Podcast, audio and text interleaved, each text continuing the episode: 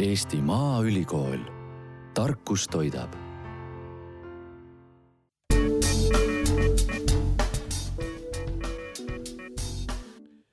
head kuulajad, Innovaatika saade on taas lindistamas oma saadet ja seekord me räägime väga põnevast äh, liigist nagu vähid. Eestis on mitu erinevat liiki, aga probleem on selles, et äh, ei ole Eestis enam ainult nii-öelda meie oma põlisliigid esindatud, vaid on, on tulnud ka võõrliike ja nendega on teatavad probleemid nagu ikka. mul on äh, Skype'i vahendusel täiesti teises Eesti otsas to,, nii-öelda toru otsas Eesti Maaülikooli vähiuurija Margo Hurt, kelle tegelik, ütleme, nii-öelda pikk ja lohisev ametinimetus, ta on Eesti Maaülikooli Veterinaarmeditsiini ja Loomakasvatuse Instituudi vesiviljeluse õppetooli vähimajanduse peaspetsialist ja lektor, kes aga, ma saan aru, oskab mulle vähkidest rääkida absoluutselt kõike. ma lugesin läbi ka tema ühe teksti seoses äh, nii-öelda vähkide olukorraga Eestis ja võõrliikidega ja, ja sain sellest äh, liigist palju rohkem teada. ma ei ole, ma, ma olen vähki söönud, ma olen vähki käinud ka püüdmas, aga noh, et ma, ma olen sukeldumisel vähki jälginud äh, nii-öelda tema siis põhilises asukonnas või asualas, aga ma ei ole nagu väga süvenenud, et äh, mis nende mis nende elus üldse toimib. ja ma saan aru, et äh, üks asi on võõrliigid, teine asi on haigused, mida need võõrliigid kaasa toovad, aga ma alustaks hoopis tegelikult niisugusest äh, sissejuhatavast äh, küsimusest, et et milliseid vähiliike üldse Eestis on?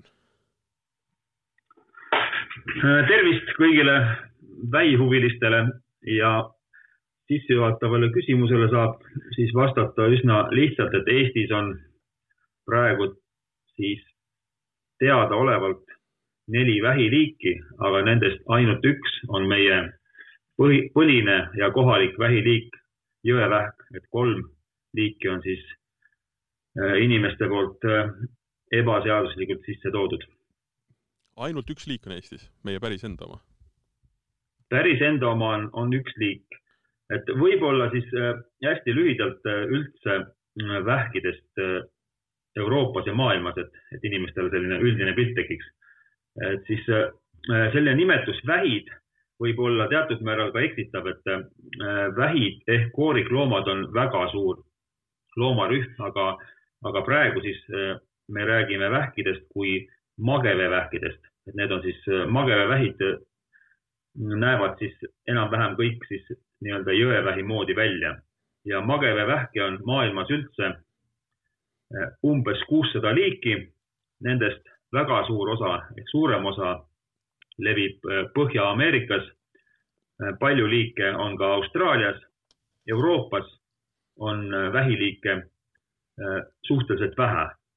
põliseid liike on viis tükki, seal muidugi loetakse veel mõned, mõned nii-öelda alamliigid või või siis on leitud, et on mõni liik veel, veel uus liik, aga ütleme, suurusjärk on viis Euroopa põlist vähiliiki ja lisaks on Euroopas siis äh, kümmekond võõrast vähki, kes on siis siia inimese poolt toodud ja Eestis on siis üks põline vähiliik ja kolm võõrast. ehk siis põline vähiliik on meil jõevähk? jah, põline siis... Äh, liik on jõevähk, see on liigi nimi.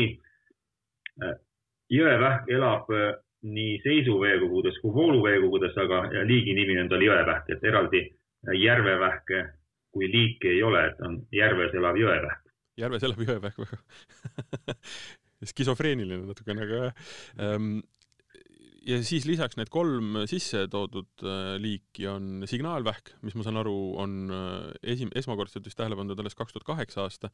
Ja siis kaks tuhat seitseteist äh, on väidetavalt ka liigid nagu ogapõskne ja marmorvähk jah, täpselt, täpselt nii ongi, et, et äh, mujal Euroopas olid need liigid juba äh, äh, ammu varem, ütleme selline hiljutine liik on tegelikult ikkagi marmorvähk. aga signaalvähk on siis ja juba tuhande üheksasaja kuuekümnendate aastate lõpust ja ogapõstne vähk veel, veel kaugeltki palju varem Euroopasse siis toodud. aga kui me räägime nendest äh, neljast äh, liigist, siis äh, kui erinevad nad on omavahel või, või kuidas neil vahet teha? Nad on, nad on üsna sarnased ja üsna erinevad, et kuidas, kuidas võtta, et kui, kui nüüd äh, vähkidega tegelev inimene vaatab, siis, siis, siis on nad erinevad, aga kui, kui tavainimene neid märkab, siis ei pruugita üldse mingit vahet teha. Et see on, noh, botaanikud oskavad ka siis peotäiest rohust eristada seal mitukümmend erinevat kõrrelist, aga, aga tavainimese jaoks on üks hein. aga siiski on nendel vähkidel siis omad kindlad nii-öelda määramistunnused või nii-öelda välimiku eripärad, mille järgi neid siis äh, saab eristada. ja äh, vähkidel siis äh, värvus ei ole tihtipeale üldse määrav.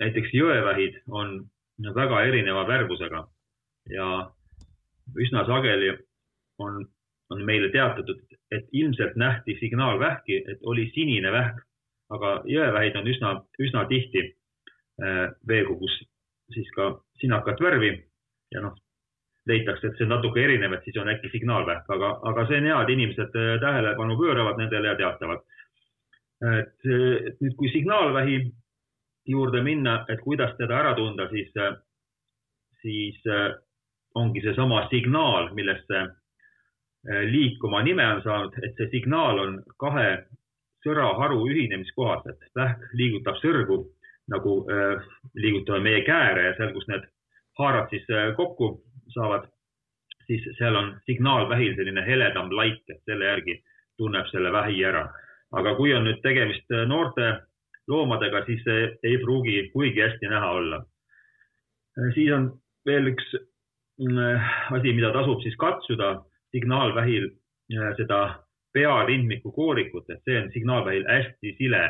jõevähil on ta natukene krobelisem ja jõevähil veel seal külje pealt tunneb sellist väikest, väikest oga, et see jääb näpu taha kinni, et mm. need on sellised kaks asja, et kui me hakkame kahtlema, kas on signaalvähk või jõevähk, et mida siis tasub vaadata.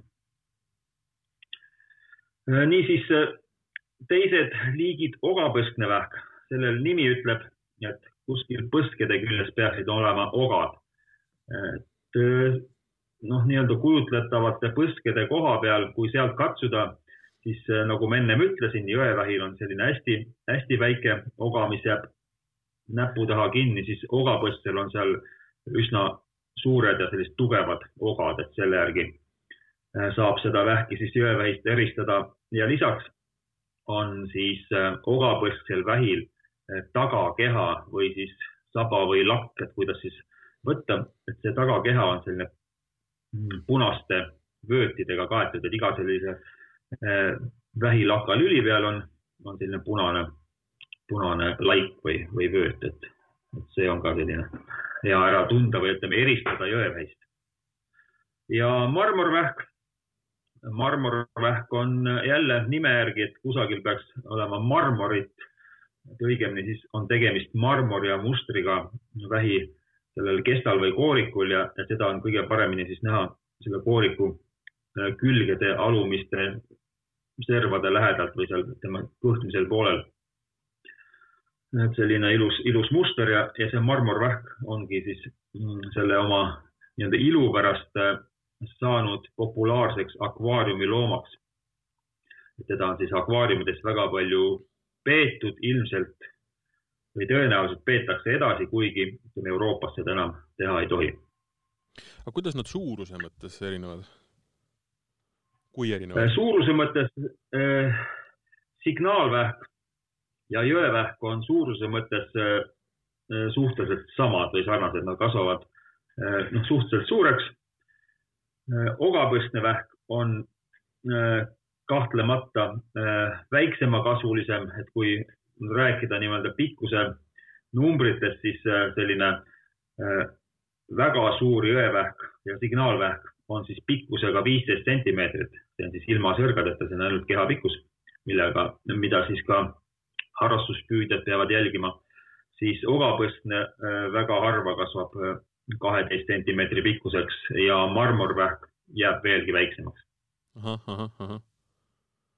see on, see selles mõttes on see oluline, kuna noh, vähki püütakse.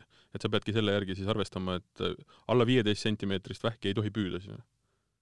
Ei, viieteist sentimeetrine vähk on väga-väga suur väga, vähk. väga suur vähk. see ala, see alammõõt harrastuspüüdjale, mida ta jõevähi püügil peab jälgima, on üksteist sentimeetrit mm. -hmm. et see, see on ka see on suur vähk, sest üheteist, see on keha pikkus ilma sõrgadeta, et kui nüüd vähki mõõta koos sõrgadega, et venitada see vähk siis täiesti pikaks laiali, siis see üheteist sentimeetrine vähk on kindlasti üle viieteist sentimeetri, see on seitseteist, kaheksateist et sealt eh, tuleb ilmselt ka see eh, müüt, et vanasti olid vähid väga suured ja näidatakse niimoodi kolmkümmend sentimeetrit käte vahel, et, et siis võib-olla jah, needsamad eh, neljateist, viieteist sentimeetrised vähid olidki kakskümmend viis sentimeetrit ja noh, natuke pandi juurde ka ja, ja siis saigi selline, selline väga suur vähk. kalamehe jutt, millel oli lisaks siis nii-öelda vale mõõtmine, eks ju? jah, et, et tegelikult jah, noh, ma ei saa väita, et vanasti ei olnud väga suuri vähke, kuna ma ei ole, ma ei saa jah, sellele vastu rääkida, aga, aga ma ise viieteist sentimeetrisi jõevähke olen oma praktika juures äh, mõõtnud umbes paarkümmend mm. -hmm, mm -hmm. ülejäänud on kõik ja kuueteist sentimeetrist mina näinud ei ole, tõenäoliselt on neid, on neid olemas ja on, on kindlasti ka, ka püütud, aga, aga jah, ei ole kätte sattunud kui palju Eestis selles mõttes vähki on, kui me räägime nüüd noh, kindlasti ei räägime mingist konkreetsest numbrist, aga kui, mis seis on, ütleme, vähkidega? ärme praegu nende liikide osas võib-olla nii võib-olla täpseks mine, aga ütleme, räägiks üleüldse, kui palju ja kui laialt on vähid Eestis nii-öelda levinud ja palju neid on? Sest neid püütakse no, ja, ja, ja, ja, ja käiakse tegelikult ju nii-öelda harrastuspüüki tegemas ja aga, aga ta ei ole mingisugune väga levinud äh, niisugune tegevus. noh, kala on, on rohkem saada, ma ei tea, kas vähki üldse on võimalik minna ja nii-öelda osta, tõenäoliselt nii-öelda Eestis püütud vähki ei ole, et see on niisugune, mm, keegi tegeleb sellega, püüab ja siis äh, nii ongi nii äh,, alustan siis kuskilt algusest. kõigepealt ma ikkagi ütleks ära selle, et see äh, võõrliikide levik on Eestis õnneks praegu ikkagi teadaolevalt väike no,. võõrliik, võõrliike on leitud äh, praegu seitsmest kohast üle Eesti. Äh, jõevähi leiukohti on suurusjärk kolmsada. et leiukohaks siis tinglikult nimetame ühte veekogu või siis, või siis suurema veekogu kahte erinevat siis osa, et on näiteks mingi suurema jõe ülemjooks ja alamjooks ja vahepeal näiteks jõevähk ei ole, siis need loeme siis erinevateks leiukohtadeks mm. -hmm. et jõevähk on ikkagi õnneks meil ikkagi äh, kordades rohkem äh, leiukohtade ja ka, ja ka muu nii-öelda arvukuse poolest. aga kui palju neid on, ütleme üle lugenud neid keegi kusagil ei ole. aga sellist äh, et kas vähki on kusagilt palju või vähe, et seda me määratleme katsepüükide tulemuse põhjal, et äh, katsepüüke teeme samade vähimõrdadega, millega ka mõned harrastajad püüavad. et siis mitu vähki tuleb ühe mõrra kohta püüki ühe öö jooksul, et see on selline näitaja, et kui tuleb null, siis, äh, siis me ei saa küll sada protsenti väita, et seal vähki ei ole, aga aga ütleme noh, siis on lihtsalt, et vähki nendel andmetel ei esine. kui on alla ühe, siis on vähesel arvukusel, madalal arvukusel, üks kuni neli on keskmine, üle nelja on kõrge ja üle kümne, siis on vähki väga palju, et selline skaala on, on äh, näiteks soomlaste pool kasutusel ja me leidsime, et, et see võiks ka meil olla, et kuidagi seda nii-öelda suhtelist arvukust hinnata. et äh, loomulikult on võimalik ka äh, väiksema veekogu lõigu peal neid üle lugeda, aga, aga nüüd neid päris väikesi ei saa, ei saa kuidagi üle lugeda, et me, ikkagi liht, lihtne on opereerida selle suhtelise arvukusega. aga kas Eesti lõikes on neid ka kuidagi mingitesse piirkondadesse rohkem või on üsna ühtlaselt Eesti nii-öelda vähkide nii-öelda leiukohtadega kaetud? Eesti on äh, nii-öelda vähi, vähi leiukohtadega äh, kaetud enam-vähem, mm, aga nende leiukohtade nii-öelda tihedus on erinev. et kõige rohkem või kõige tihedamalt esineb siis jõeväi leiukohti siis Saaremaal. ja seal on ka siis kõige rohkem selliseid nii-öelda arvuka populatsiooniga vähiveekogusid, siis nende hea vähipiirkond suhteliselt on ka nii-öelda Kagu-Eesti, Otepää ümbrus ja, ja üldse, üldse see Lõuna-Eesti pool, noh, kuna seal on ka siis palju, palju siis järvesid ja ka, ja ka jõgesid, siis üsna, üsna vähivaene on, on see näiteks Raplamaa kant, olgugi et seal on ka ütleme jõgedes üsna hea elupaiga kvaliteet, aga mingil põhjusel on sealt lihtsalt väid ära, ära siis kadunud, et ütleme, et Eestis on vähki igal pool, aga piirkonniti on see, on see olukord siis oluliselt erinev. miks see Saaremaa nii vähirikas on? on sellele ka mingi põhjus ja. olemas? sellele on siis põhjus järgmine. kõigepealt ütleks, et, et Saaremaa veekogud ise, iseenesest on üsna sellised kehvakesed ja nirud, et Saaremaa jõgi on, on ikkagi väga-väga väike, kui me võrdleme nüüd siis Mandri-Eesti siin äh, sellise korralikemate jõgedega ja, ja Saaremaa nii-öelda vooluveed on siis valdavalt ka kõik äh, nii-öelda sirgeks kaevatud, et põhimõtteliselt on tegemist siis kraavidega. aga miks on seal vähivarud äh, suhteliselt heas seisus, on see, et Saaremaale on väga vähe jõudnud sellist äh, jõevähile kõige ohtlikumat negatiivset mõjutegurit nagu vähikatku, et äh, vähikatk teadaolevalt esimest korda sattus Saaremaale kaks tuhat kuus, kaks tuhat seitse ja, ja ütleme, äh, kui mujal Eestis on see vähikatk juba, juba siin sada viiskümmend aastat varsti vähivarusid siin laastunud, siis ja, ja. Saaremaal on selle vähikatku mõju väike olnud. kui ähm tekkis selline, selline küsimus, et äh, siin räägiti ja mitte ei räägitud, vaid see on ka teoks tehtud äh, nii-öelda Pärnu jõe siis äh, selle tammi äh, nii-öelda lõhkumine. ja eeldatakse ja loodetakse, et see parandab nii-öelda noh, kogu jõe nii-öelda kalavarusid väga hästi ja see tähendab ka nii-öelda lahes olevate kalade hoopis teistsugust populatsiooni. kas see ka jõevähki kuidagi ja tema nii-öelda olemust seal piirkonnas parandab, mõjutab? Või räägin ma praegu ikkagi nii-öelda kartulite juures apelsinidest? ei, see on, no tegelikult on see natuke tundlik teema, aga, aga, aga sellest võib ju rääkida. et kui me nüüd lähtume, äh, lähtume siis jõevähist ainult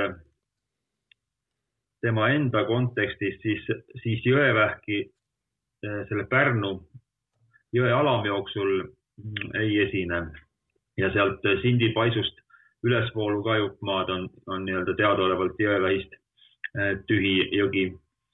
Äh, jõevähk, jõevähk on siis Pärnu jõe keskjooksul ja, ja Pärnu jõgi äh, Paide kandis on, on üsna hea vähileviku koht, kus ka siis harrastajad päris palju püüavad Äh, ja Pärnus siis elab meil see kuri ogapõstnevähk, kes just on seal Pärnu linnakandis. ja, ja mis nüüd äh, Sindi paisuga seoses äh, tekkis, et siis tekkis tegelikult nii-öelda ogapõstkele vähile paremad võimalused mööda jõge üles rännata, aga noh, ma võin seda praegu nii öelda, aga, aga ma kindlasti ei taha nüüd Äh, väita, et, et nüüd äh, tehti Eesti loodusele karuteene, et, et sindipais ära lõhuti, et lastakse ogapõskne vähk ülesse, et, et ilmselt see ogapõskne vähk tassitakse sinna ülespoole inimeste poolt ennem kui ta sealt võib-olla jõuab selle paisu ise ületada. ja see, see kasu, mis ikkagi selle sindipaisu likvideerimisega saadi, on, on, on niivõrd oluline, et, et, et seda ei saa kuidagi nagu alahinnata nojah, siis tuleb lihtsalt äh, selle ogapossiga tegeleda teistmoodi, mitte lihtsalt jääd, jääd, jääda ootama. aga tuleme korraks selle teema juurde, mis on tegelikult võib-olla kõige selle juures ka üks hästi-hästi põnev moment on see, et kuidas need võõrliigid on Eestisse jõudnud selles mõttes, et erinevaid võõrliike nii-öelda, kui me räägime vees elavaid võõrliike, on Eestis ju ka teisi. Äh, noh, siin tuleb ju mudil, unimudil tuleb meelde, mis oli siin ju väga mõned aastad tagasi, viis aastat tagasi äkki hästi olulisel nii-öelda jutul ka meedias, et on tulnud Kaspia merest äh, laevade pilsiveega, eks ju, et on toodud siia ja nüüd ta siin möllab. et äh, kuidas, kuidas need kolm nii-öelda võõrliiki on Eestisse jõudnud? mitte ühegi Eesti võõrliigi juhtumiga meil ei ole täpselt teada, kust ja kust ta toodi ja kes selle tõi.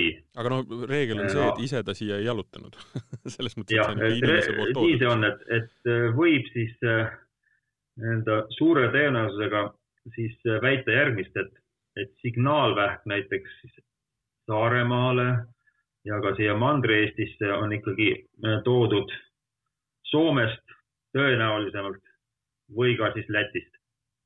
et äh, lihtsalt äh, keegi enda siis auto, autoga üle sõites toonud ja, ja siis lahti lasknud. Äh, ogapõskne vähk on toodud kas Lätist või Leedust või mingi tõenäosus on ka või võimalus, et äkki see ogapõskne vähk toodi laevadega kusagilt siis ka Poolast või, aga, aga see on, see on lihtsalt oletused. Äh, see variant on ka võimalik, et äh, mööda merd ogapõstne vähk või signaalvähk siis nii-öelda jalutas äh, lõuna poolt siis Lätist sinna Pärnu jõkke. et see, see ei ole ka välistatud, kuna Pärnu lahest on ka leitud kalapüünistest paar signaalvähki. ja marmorvähk see on siis ilmselgelt akvaariumi mm, -hmm. akvaariumipidajate poolt siis nii-öelda lastud, kuna on jäänud neid vähke nii-öelda üle ja keegi ei ole tahtnud ja, ja inimene on mõelnud, et ta on väga väga niinimetatud roheline ja ta lihtsalt laseb need kuhugi vette.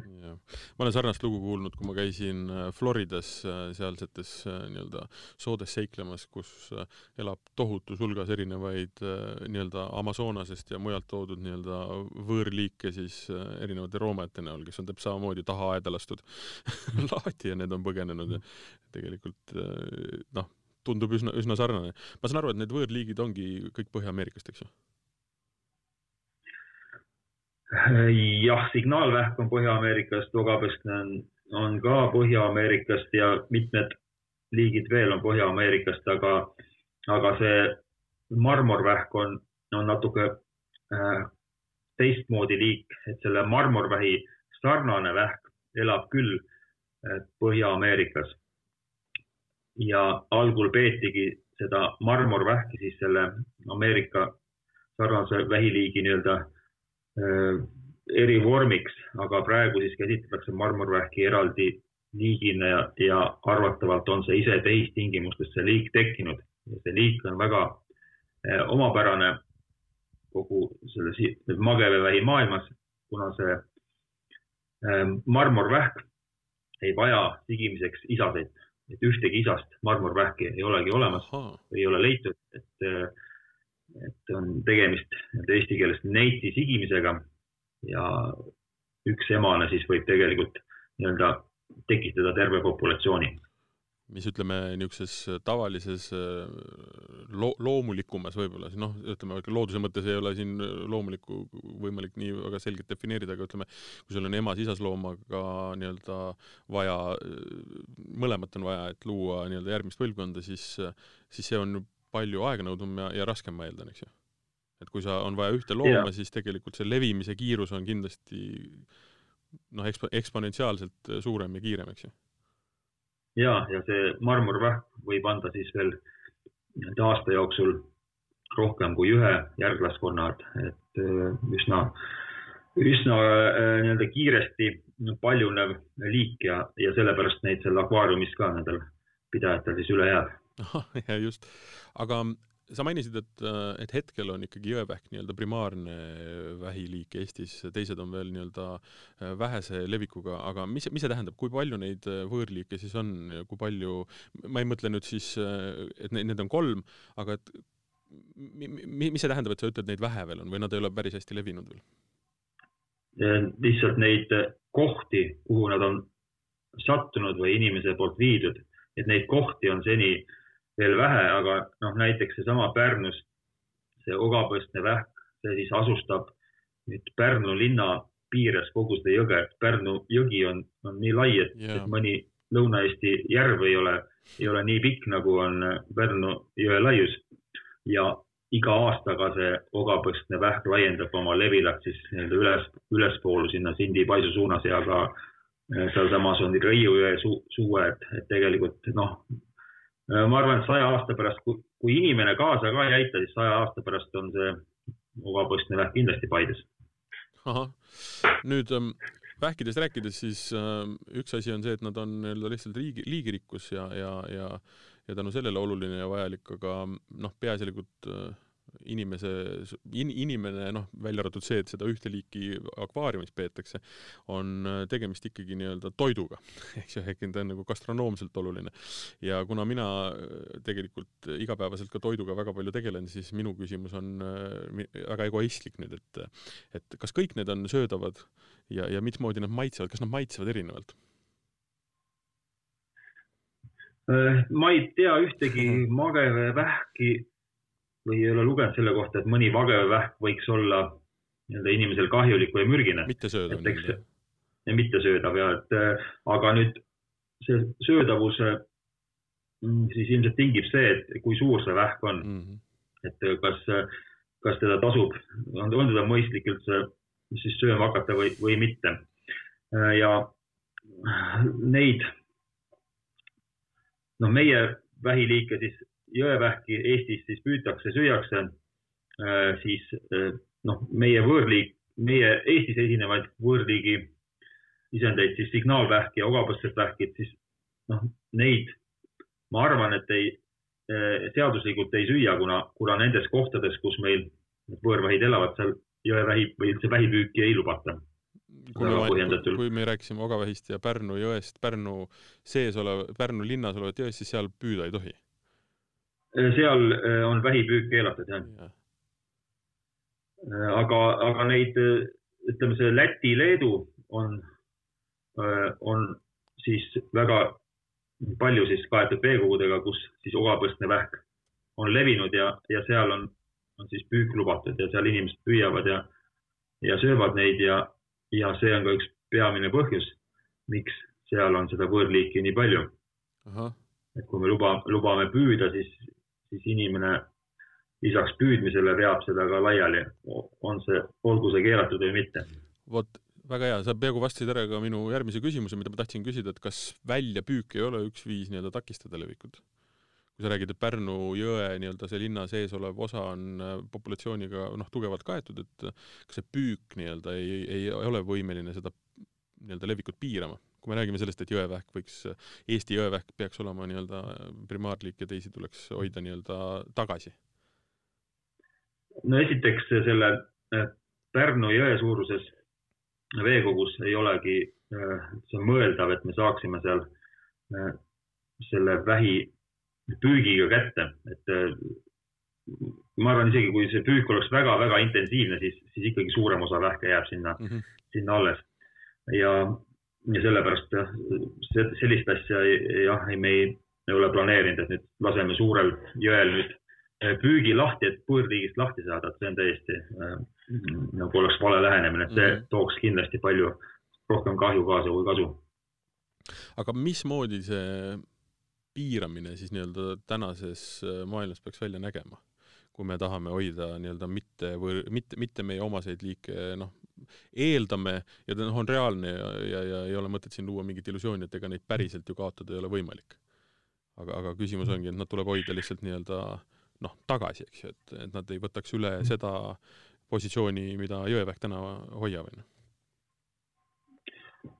jah, praeguses Äh, situatsioonis ongi äh, nii-öelda seadusandlusega on üsna hästi reguleeritud see, et kui, kui inimesed järgiks äh, seadust ja, ja kehtivaid piiranguid, siis, siis see, see oleks kõige parem, ütleme selline meede jõevähi kaitseks.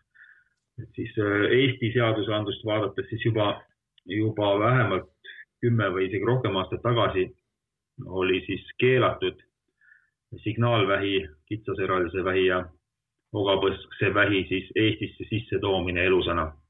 ja siis nüüd kaks tuhat viisteist alates kehtib äh, Euroopa Liidu määrus, mis väga karmilt äh, keelab siis äh, invasiivsete võõrliikidega põhimõtteliselt kõik tehingud nende omamise, siis noh, vette laskmise ja transpordi ja kõik, et põhimõtteliselt äh, praegu noh, ei tohi olla kellelgi kodus akvaariumis ühtegi marmorvähki mm, -hmm. ei tohi kellelgi olla tiigis ühtegi signaalvähki ega ogapõstset vähki. et põhimõtteliselt sa ei tohi omada, sa ei tohi seda, sul ei tohi see auto pagasnikus olla, aga, aga mitte kusagil.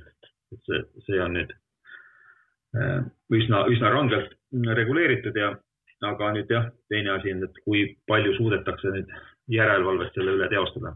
ma saan aru, et probleem on siin see, et äh, nii-öelda röövpüük äh,, mis äh, noh, mis ongi nagu, nagu nimi ütleb, röövpüük ja nii-öelda väga must ala, et, et see on see, mis äh,, mis on probleemiks, et need, kes püüavad nii-öelda lubadega ja teavad, kust see, see on nagu okei okay,, aga just see röövpüük on see, mis võib ka levi nii-öelda laia, laia, laiaks lükata.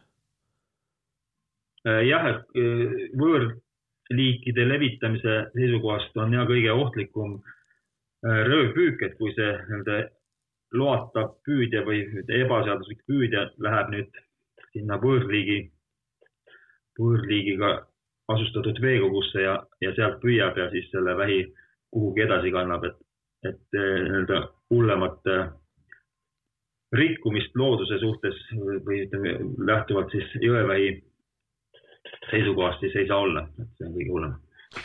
nüüd teine suur teema, mida me selle saate jooksul nagu lahti tahame rääkida, ongi, sul tegelikult ka saate alguses mainisid seda, on, on jõevähkide või tähendab vähi, vähikatk, mis on siis peaasjalikult nende võõrliikide poolt sisse toodud ja et see on probleem mis on tegelikult nii-öelda noh, see, millest me vähkide puhul ja, ja ütleme selle, selleks ohuks nimetame, sest et noh, ütleme, kui, kui jälle mingi kalade, kaladest vaadata, siis võõrliikide tulek ohustab, ütleme, teiste liikide populatsiooni sellepärast, et nad söövad ära maimud, eks ju.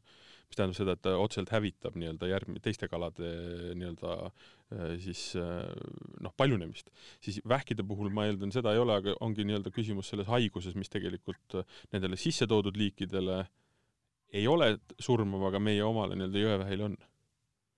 ütlesime õigesti või eksin?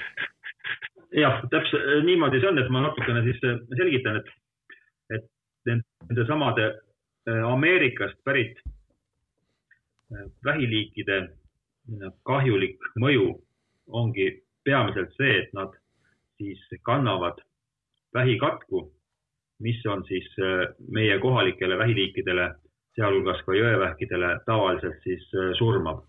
et noh, siin võib ju ära öelda, et on ka teatavaid erandeid, et, et kõik jõevähid ei pruugi sellesse katku ära surra ja, ja kõik äh, võõrvähid ei pruugi olla sada protsenti katkukandjad, aga üldiselt on nii, et võõr, Ameerikast pärit võõrliik kannab katku ja see tapab meie jõevähid, et kui me levitame võõrliike, siis me levitame vähikatku ja äh, see on tavaliselt selline pöördumatu protsess, et kui ikkagi sinna veekogusse viia see signaalvähk sisse või ogapõstne vähk sisse, noh nagu näiteks Pärnu jõgi, siis, siis äh, ma hetkel ei näe üldse mingit lahendust, et, et kuidas see, kuidas seda protsessi siis nüüd ümber pöörata, et, et ogapõstne vähk sealt Pärnust minema ja, ja saaks sinna Jõeväi tagasi ma küsin sel-, sellise küsimuse, et ütleme, kui me jätaksime selle katku kõrvale, siis tegelikult need vähid, kõik need neli liiki oleksid võimelised kõrvuti elama?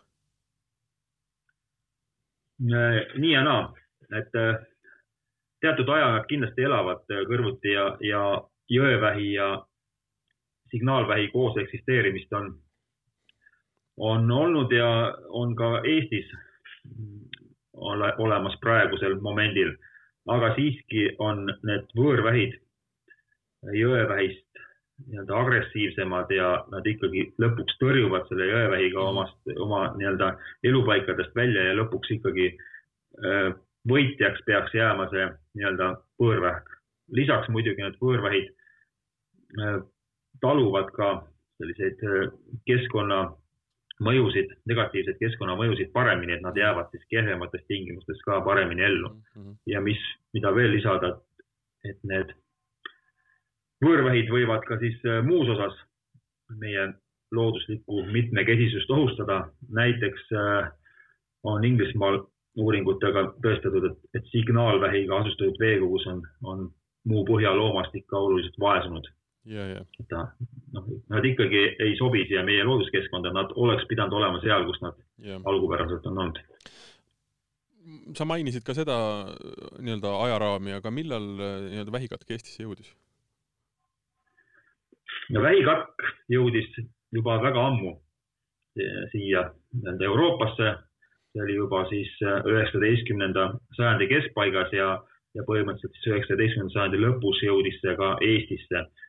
Äh, kuidas jõudis, täpselt ei tea keegi, aga arvatavasti siis äh, äh, vähipüüdjate ja püügivahendite nii-öelda mingite veega ja, ja nii edasi, et, et kuidagi siis nii-öelda kaubandusega ja vähipüügiga seoses see jõudis, et, et tol ajal hästi hoogustus see nii-öelda vähi püüdmise vähimüügi ja ekspordi Äh, voog, et siis äh, see vähid hakkasid mööda Euroopat edasi-tagasi liikuma, toodi Euroopasse juba siis. äh, Ameerikast võõrvähke ja, ja sellega koos katku ja nii see katk üle Euroopa väga kiiresti levitati.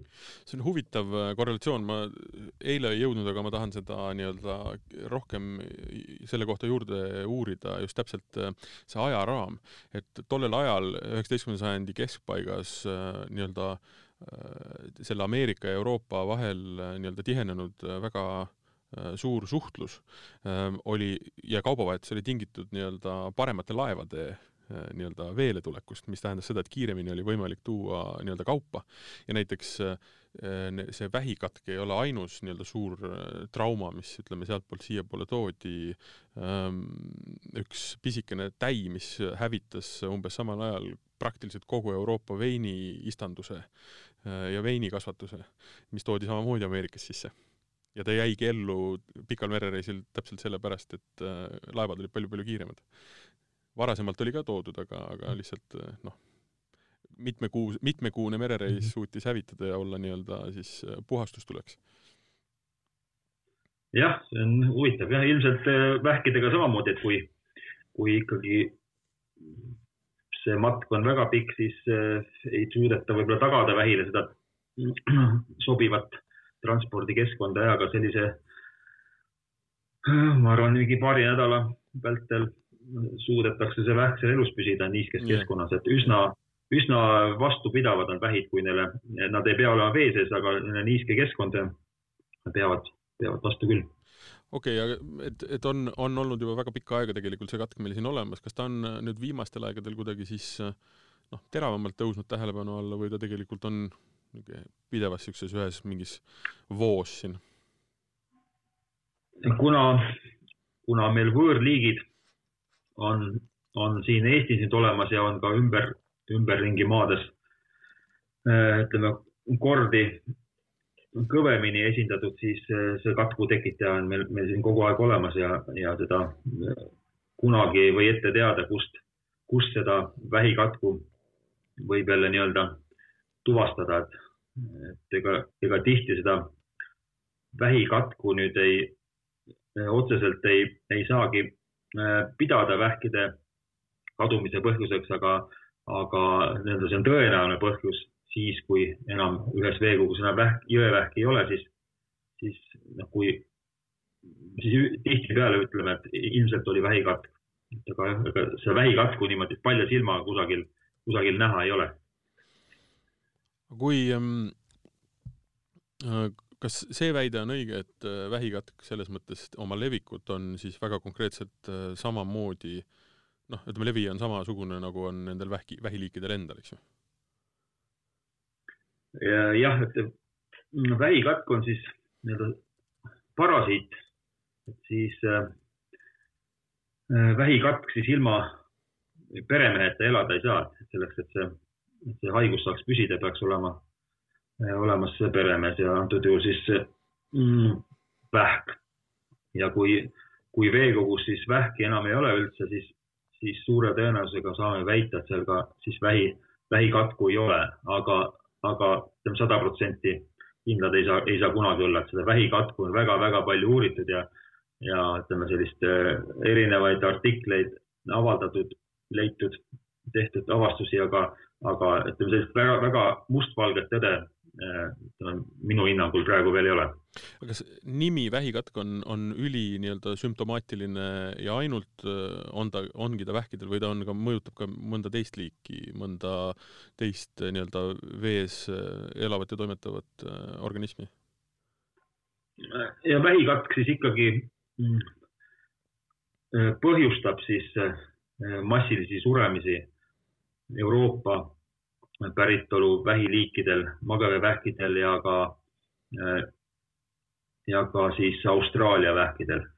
et Ameerika vähkidel siis on tekkinud immuunsus selle katku vastu, aga nüüd äh, ilmselt noh, arvatakse, et see vähikatk võib püsida ka siis teistes äh, koorikloomades, aga, aga vähikatkust tingitud probleeme siis näiteks krevettidel, mis on ka nii-öelda majandatav majandatavad äh, nii-öelda loomad, siis ei ole vähikalt nagu probleemiks olnud.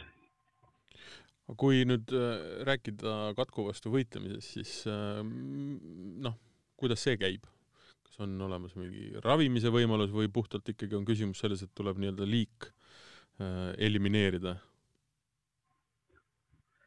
jah, ravimise võimalused kahjuks puuduvad, et, et hea, et meil olemas on vähemalt selle katku diagnoosimise võimalused, et ega seda katku niisama paljalt, palja silmaga vaadeldes hmm. määrata ei saa, et seda peab siis äh, laboris analüüsima ja nüüd juba mitu aastat on Eesti Maaülikooli meie vesiviljeluse õppetooli laboris nii-öelda katku määramine kaasaegsetel võimalustel siis, siis olemas, et, et, et see on hädavajalik, et kui ikkagi mingi suurem vähkide suremine on, et siis saab saab proovid võtta ja, ja kindlaks teha, kas, kas on vähikatk või mitte, aga kui nüüd proov ütleb, et vähikatku ei, ei esinenud, et vähid surid millegagi muusse, siis tegelikult noh, sinna see asi jääbki, et ega siis võib veel arvata, et kas oli äh, tegemist äh, mingi veekeemia muutusega või, või millegi muuga, et noh, teatavasti vähid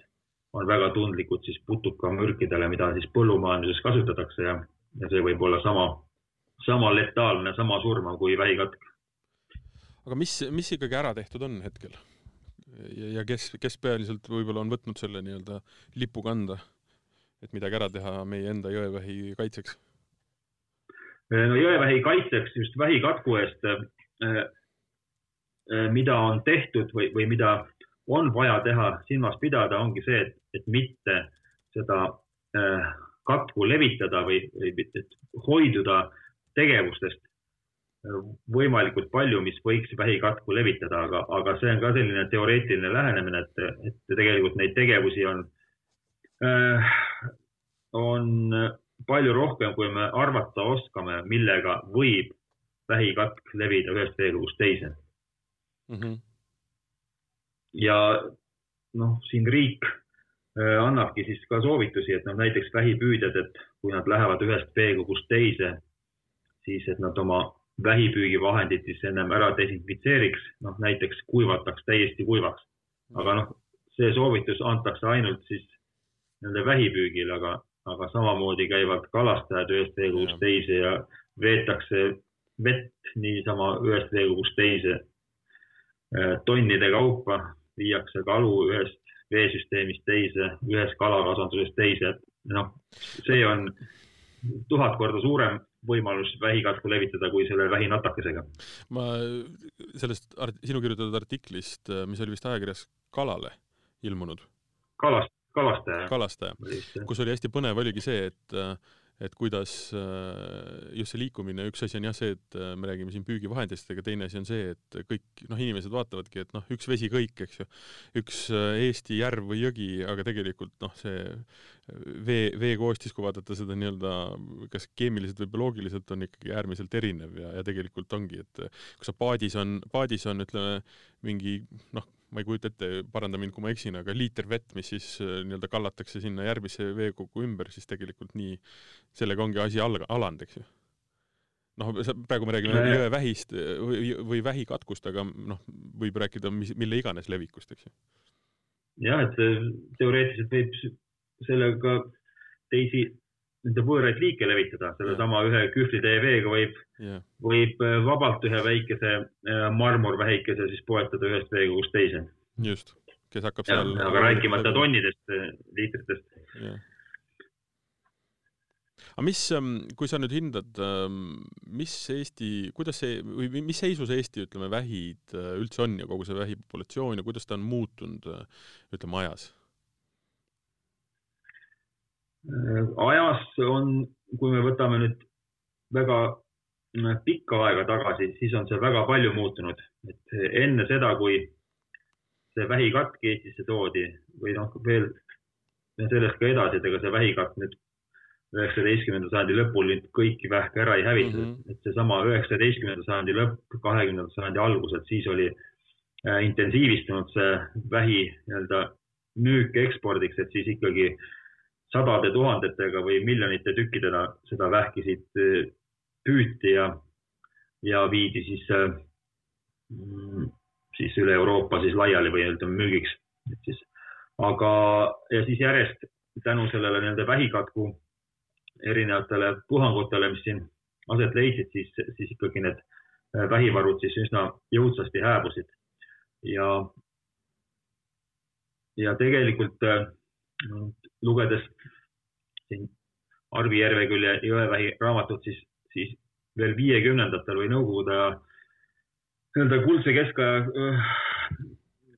kuldsel keskajal siis ikkagi oli seda jõevähki arvatavasti rohkem kui praegu.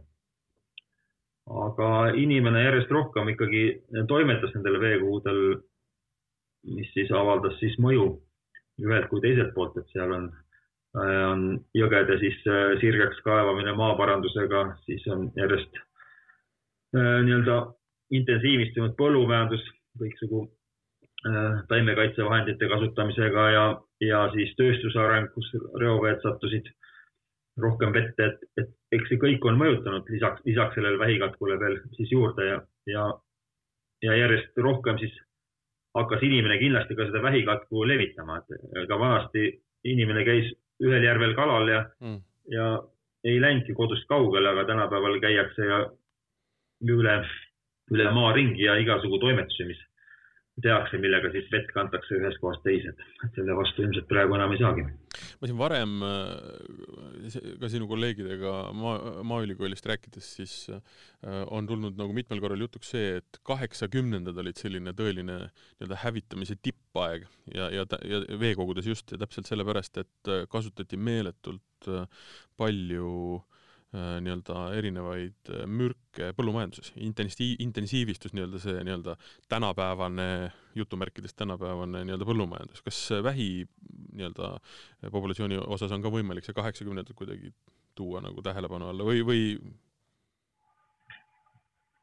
no äh, kaheksakümnendatest mul ei ole nüüd sellist ülevaadet, et kui palju siis oli, oli selliseid vähiveekogusid, kus kus oli vähki palju või, või kuidas see vähi levik üldse siis oli, et, et tegelikult äh, alates ikkagi üheksakümnendatest, üheksakümnendate keskpaigast on, on selline nii-öelda süstemaatiline mm -hmm. olukord paremini teada, eks kaheksakümnendatel olid ka, koguti andmeid, aga, aga äh, ma, et seda on praegu väga raske võrrelda, neid andmeid praeguste andmetega, et aga ma arvan siiski, et, et olukord nüüd praegu ei ole kindlasti halvem, kui siis oli, et mis sa, kui me räägime nüüd ettevaatavalt, et äh, mida sa, mida sa tulevikus näed, milline on Eesti ja meie koha, meie siis nii-öelda Jõevähi ja siis nii-öelda kolme temaga liitunud sõbra nii-öelda tulevik? no see tulevik äh, sõltub siis äh, kõige rohkem meist endist ehk siis inimesest, et kui palju inimene suudab siis hoiduda siis nende võõrliikide edasilevitamisest või siis nii-öelda uutes, uute või samade liikide siis sissetoomisest Soomest, Lätist.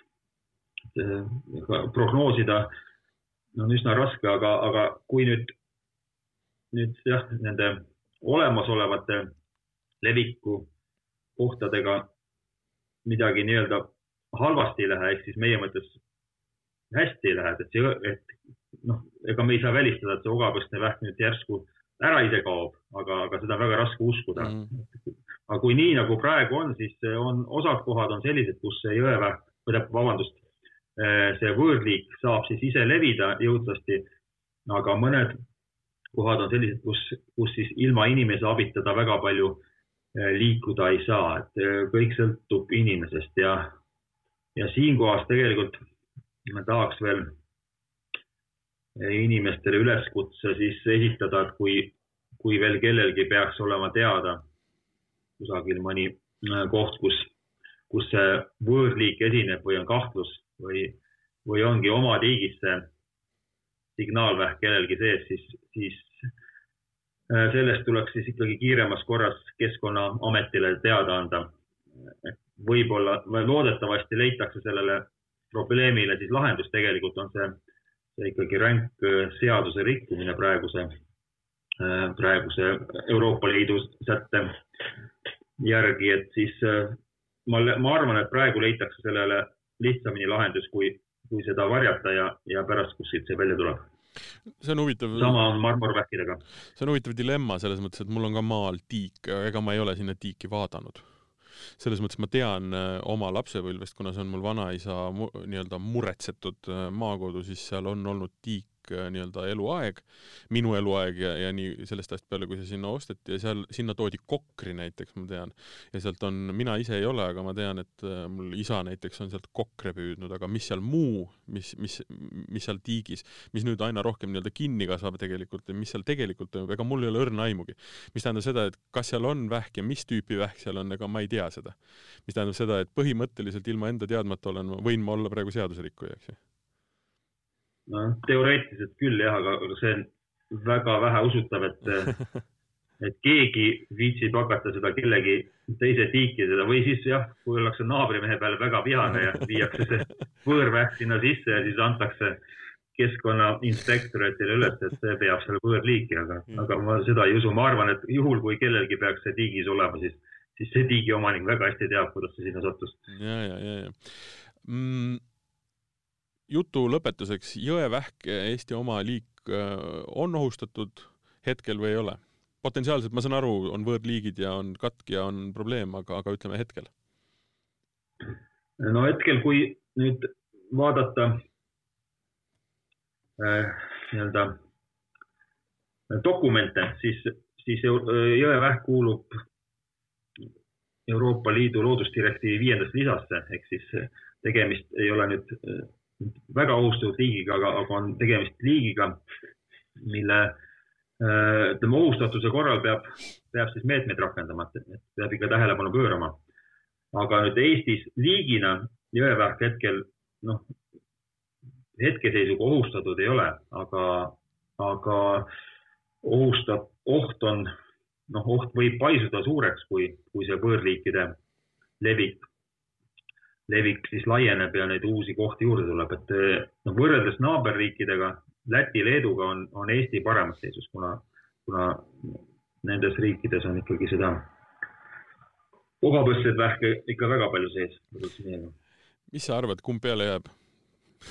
meie oma jõevähk või, või, või sisse toodud liigid no ma pean olema optimistlik, et, et peale jääb jõevähk, et mina ma tahan ikkagi oma elu lõpuni näha, et meil on ikka jõevähki palju rohkem kui, kui muid liike. suurepärane, Margo, aitäh sulle selle vestluse eest.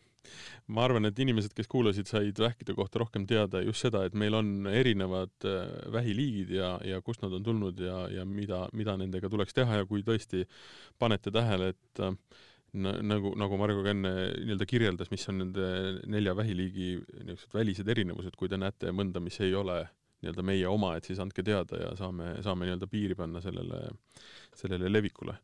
Ehm, mina olen ajakirjanik Martin Hanson ja minuga rääkis Skype'i äh, vahendusel, ma ütlen jälle selle pika, pika ametinimetuse Eesti Maaülikooli veterinaar, veterinaarmeditsiini ja loomakasvatuse instituudi vesiviljeluse õppetooli vähimajanduse peaspetsialist Margo Hurt. Ehm, järgmine saade äh, Innovaatika sarjas tuleb Suurjärvedest kus me vaatame natukene seda, mis äh, toimub äh, nii Peipsis kui, kui Võrtsjärvel kuidas on kliima neid kahte veekogu mõjutanud ja, ja mis üldse äh, toimub. me räägime ühest väga põnevast asjast ka nagu, kuidas mõjutab tuul näiteks järve elu ja, ja tervist. aga seda järgmine kord, seniks aga nautige ilusat talve ja, ja kuulmiseni.